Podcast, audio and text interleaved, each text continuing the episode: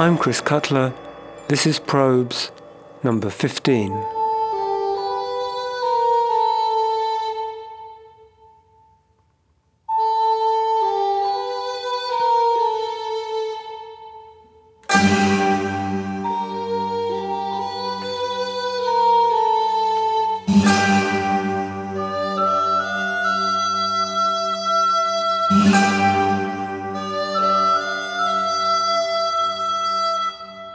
Early music instruments were accorded symbolic gravitas by the art music world, folk instruments were generally regarded as unlettered bumpkins. So when they occasionally did appear in the 19th century classical orchestra, it was to bucolic or illustrative purpose, and not to exploit their sonic qualities in any non-referential way. Here, for instance, is Johann Strauss scoring a zither into his 1868 Walk in the Vienna Woods. Música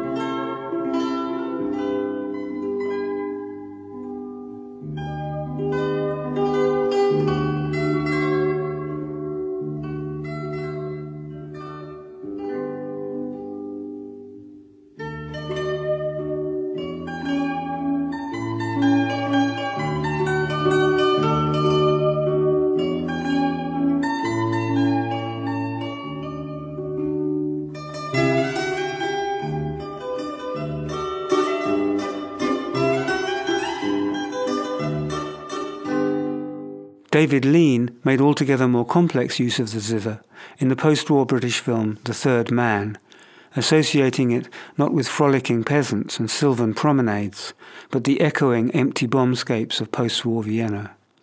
It's an association that seems to have stuck. The film was scored by Anton Karas, an Austrian zitherist who earned his living in wine bars and never scored another film.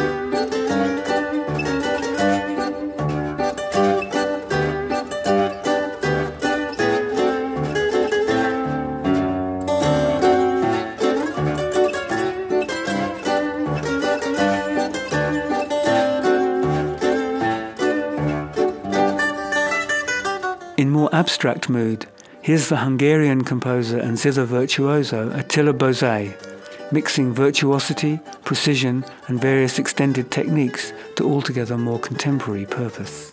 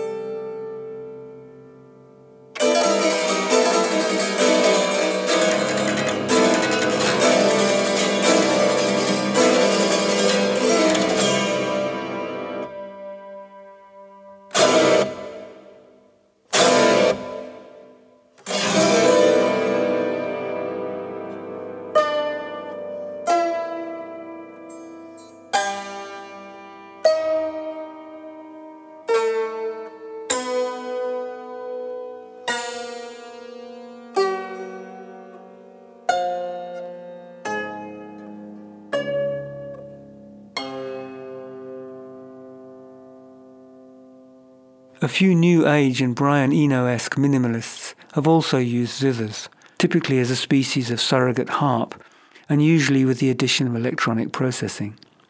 Frank Zappa also famously used one in his first orchestra concert in 1963. I mention this only because, although this next piece wasn't written for the zither, it has been arranged for one by this Finnish ensemble whose practice is to rethink modern repertoire for Baroque and folk instruments. Is it really a probe? I'm not sure. But if it is, it's a probe that tests the compositional material rather than any new function for the instrument. Still, I think there's something interesting happening here. This is the Ambrosius Ensemble playing Frank Zappa's RDNZL.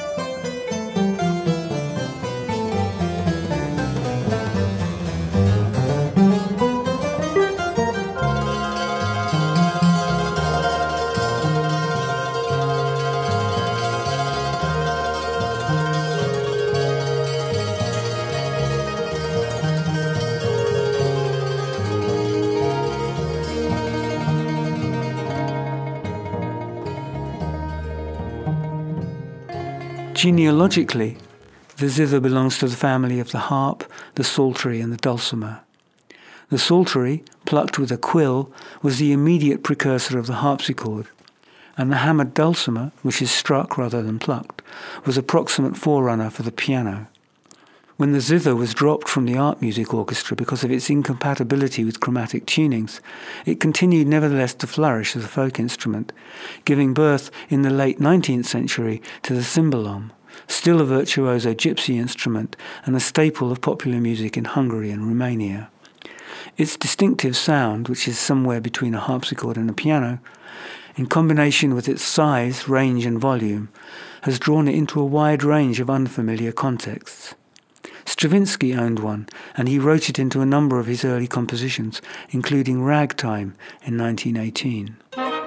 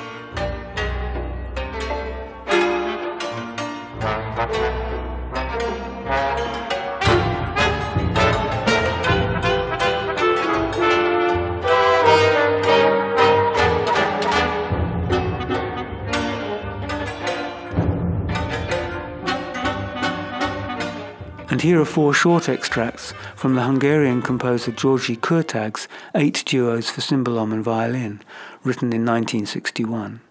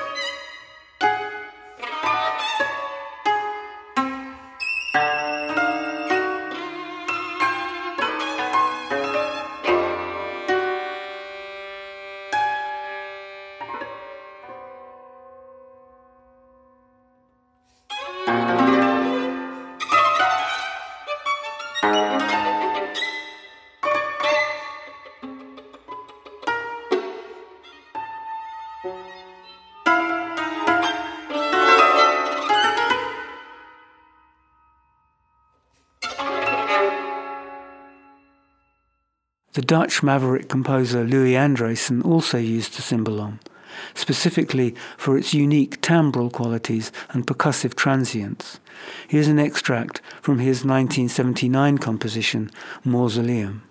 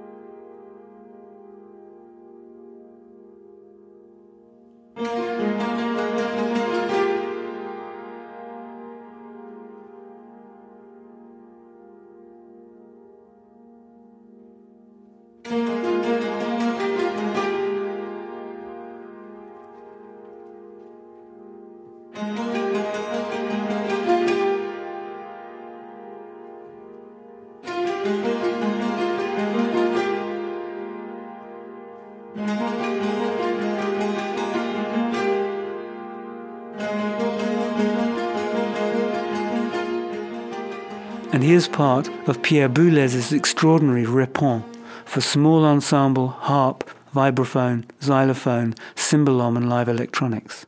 This recording, as you'll hear, was made right next to the cymbalist.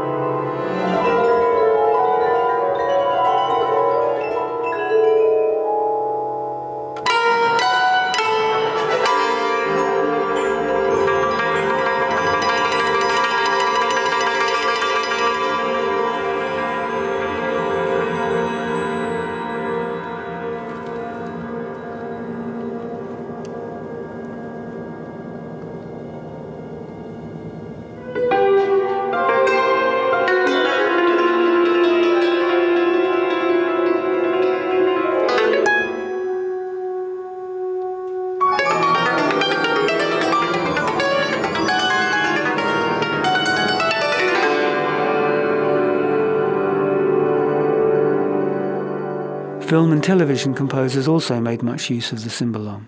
Here's John Barry in 1965 playing his main title theme to the film The Ipcress File.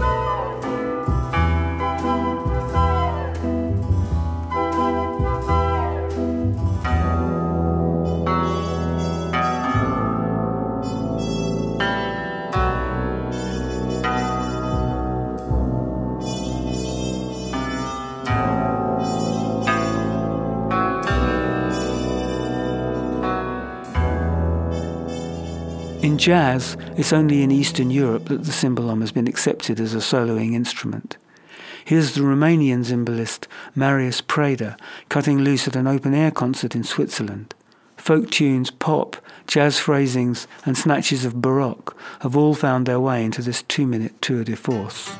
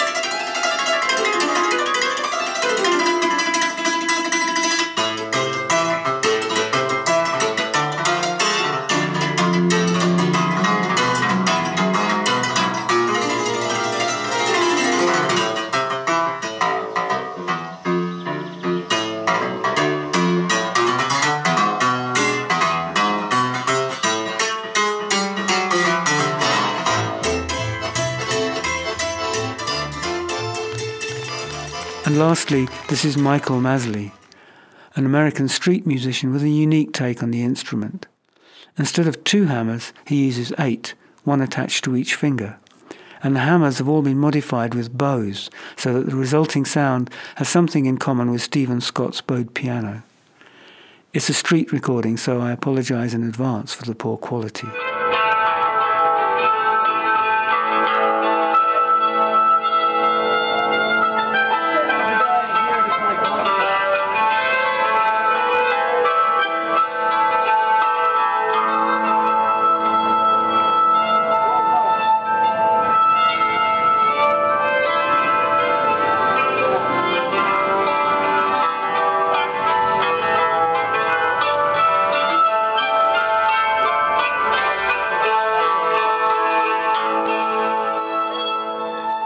Another instrument that never made it into the Baroque orchestra was the bagpipe, with good reason. First, of course, there are the insurmountable pitching problems, and second, the bagpipe, like the hurdy-gurdy, comes with a drone attached. And in passing, one has to say that the bagpipe is not generally considered very polite, nor is it for the most part a team player. So when the pipes are drawn into other contexts, it's mostly to metonymic effect to signify animal herding or village ceremonial or martial prowess. The British composer Peter Maxwell Davies uses Northumbrian pipes in such an atmospheric way in his Cross Lane Fair, and it must be said that he's one of the very few composers who've been brave enough to have taken the plunge.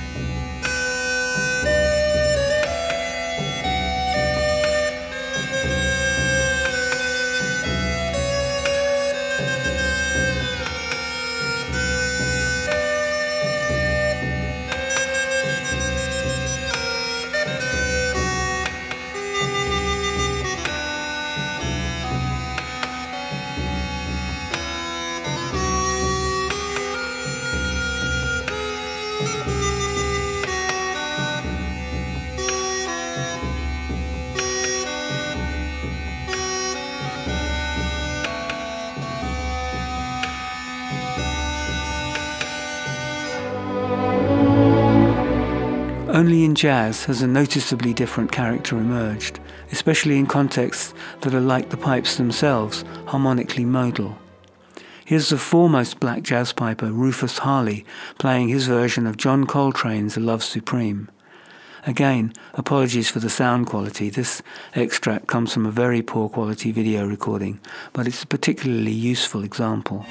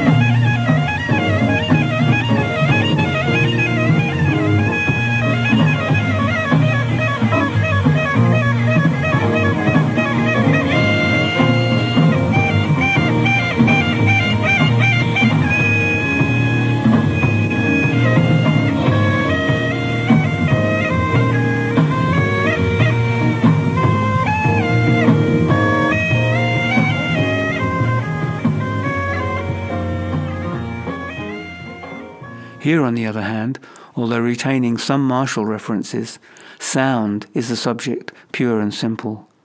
Made for a radical and genuinely prescient LP released in 1969 on the ESP label in New York.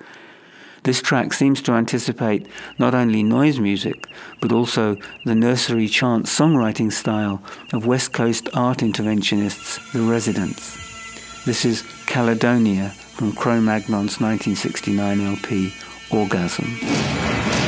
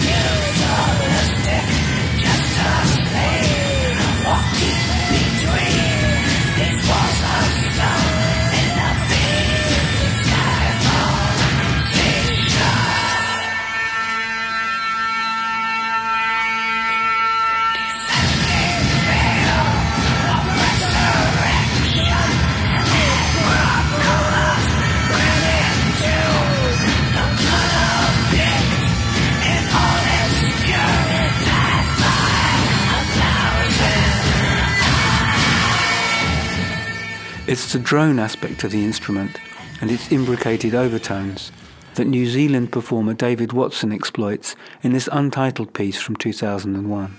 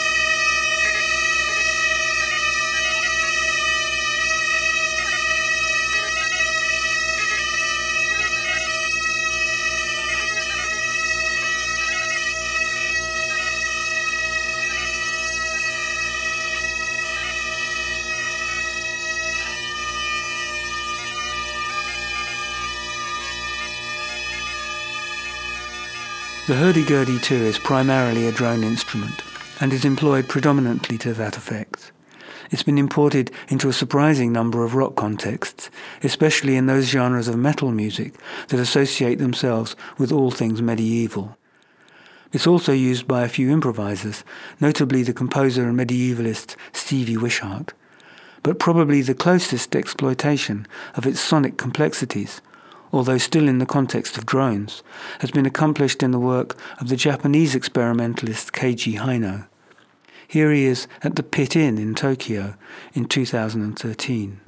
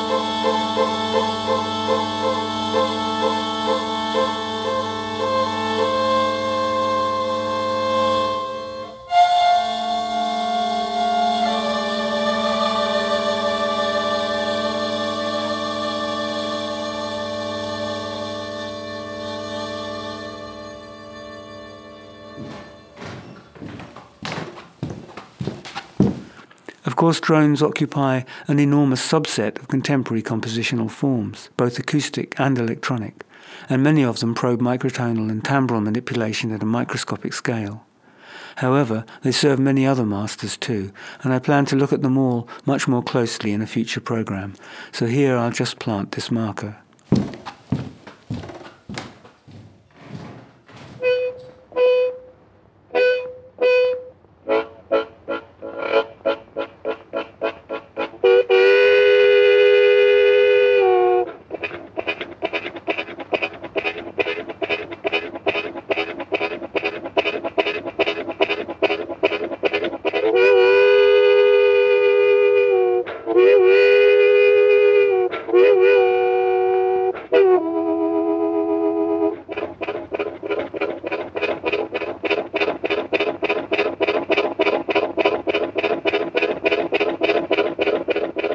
Yet another 19th century invention, the harmonica, has proved rather more expressively flexible. Popular from the outset and extremely portable, it was initially used in European folk contexts before it arrived in America in the mid 19th century and took up residence in just about every other soldier's or cowboy's pocket. Some white musicians made it rollick, others made it plaintive, but it was black musicians who gave it steel. Far from lonesome train whistles, here's one of the masters of the instrument, alternating staccato accents with sinewy melodic lines and chords, and singing at the same time. This is Sonny Boy Williamson's 1963 Help Me.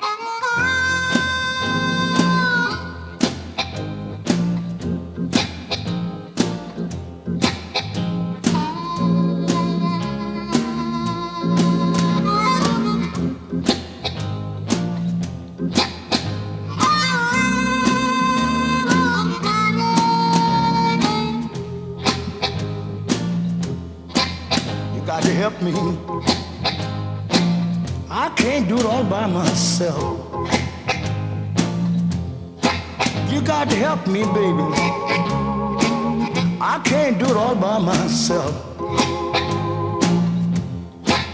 You know, if you don't help me, darling, I'll have to find myself somebody else.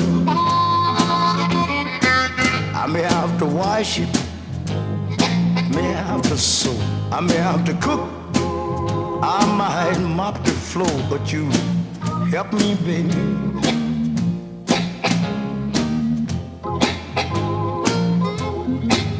You know, if you don't help me, darling, I'll find myself somebody else.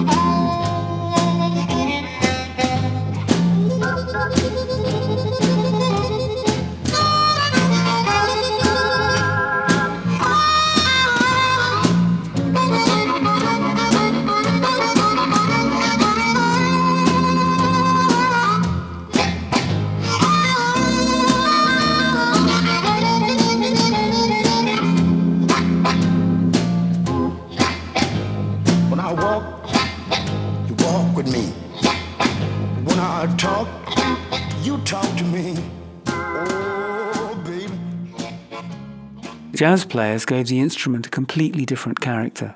Here's one of the best of them, the Belgian Toots Thielemans, now in his 90s, playing Sonny Rollins' Tenor Madness.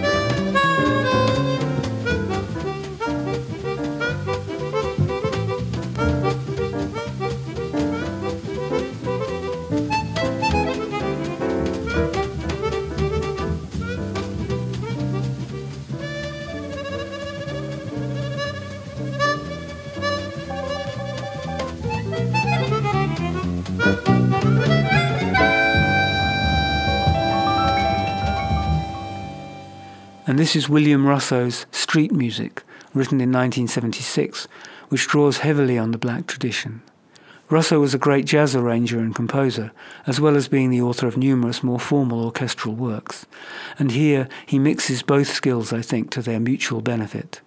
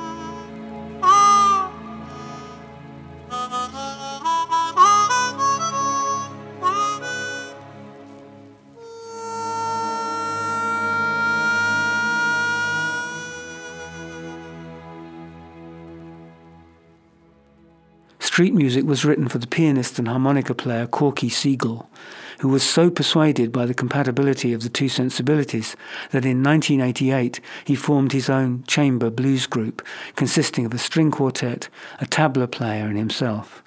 In this piece, Filisko's Dream, he's using a harmonica with altered tunings, specially built for him by Joe Filisko.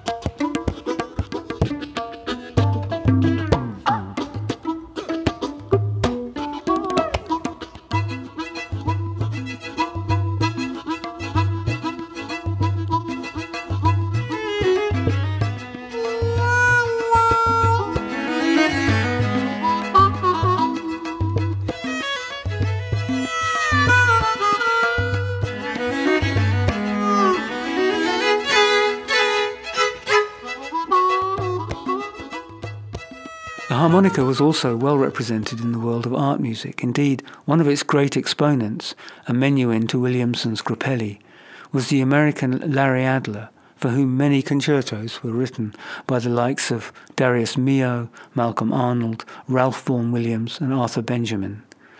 It's a strong example of a case in which repertoire exists because a particular player exists.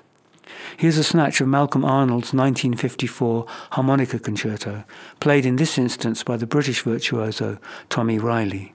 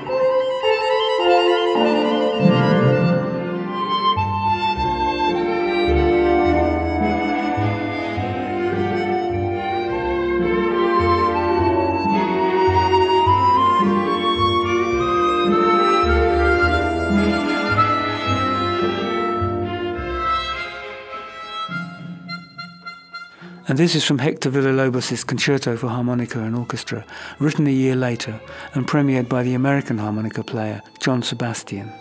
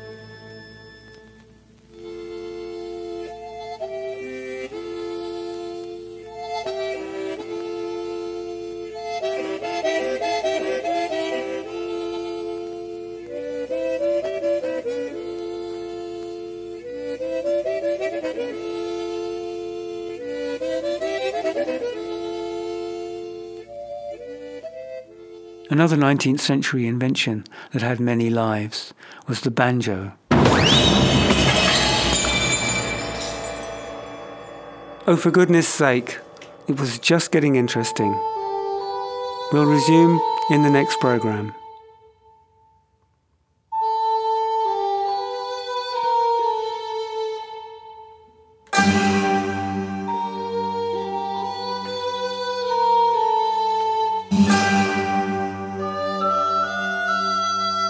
I'm Chris Cutler. This has been Probes.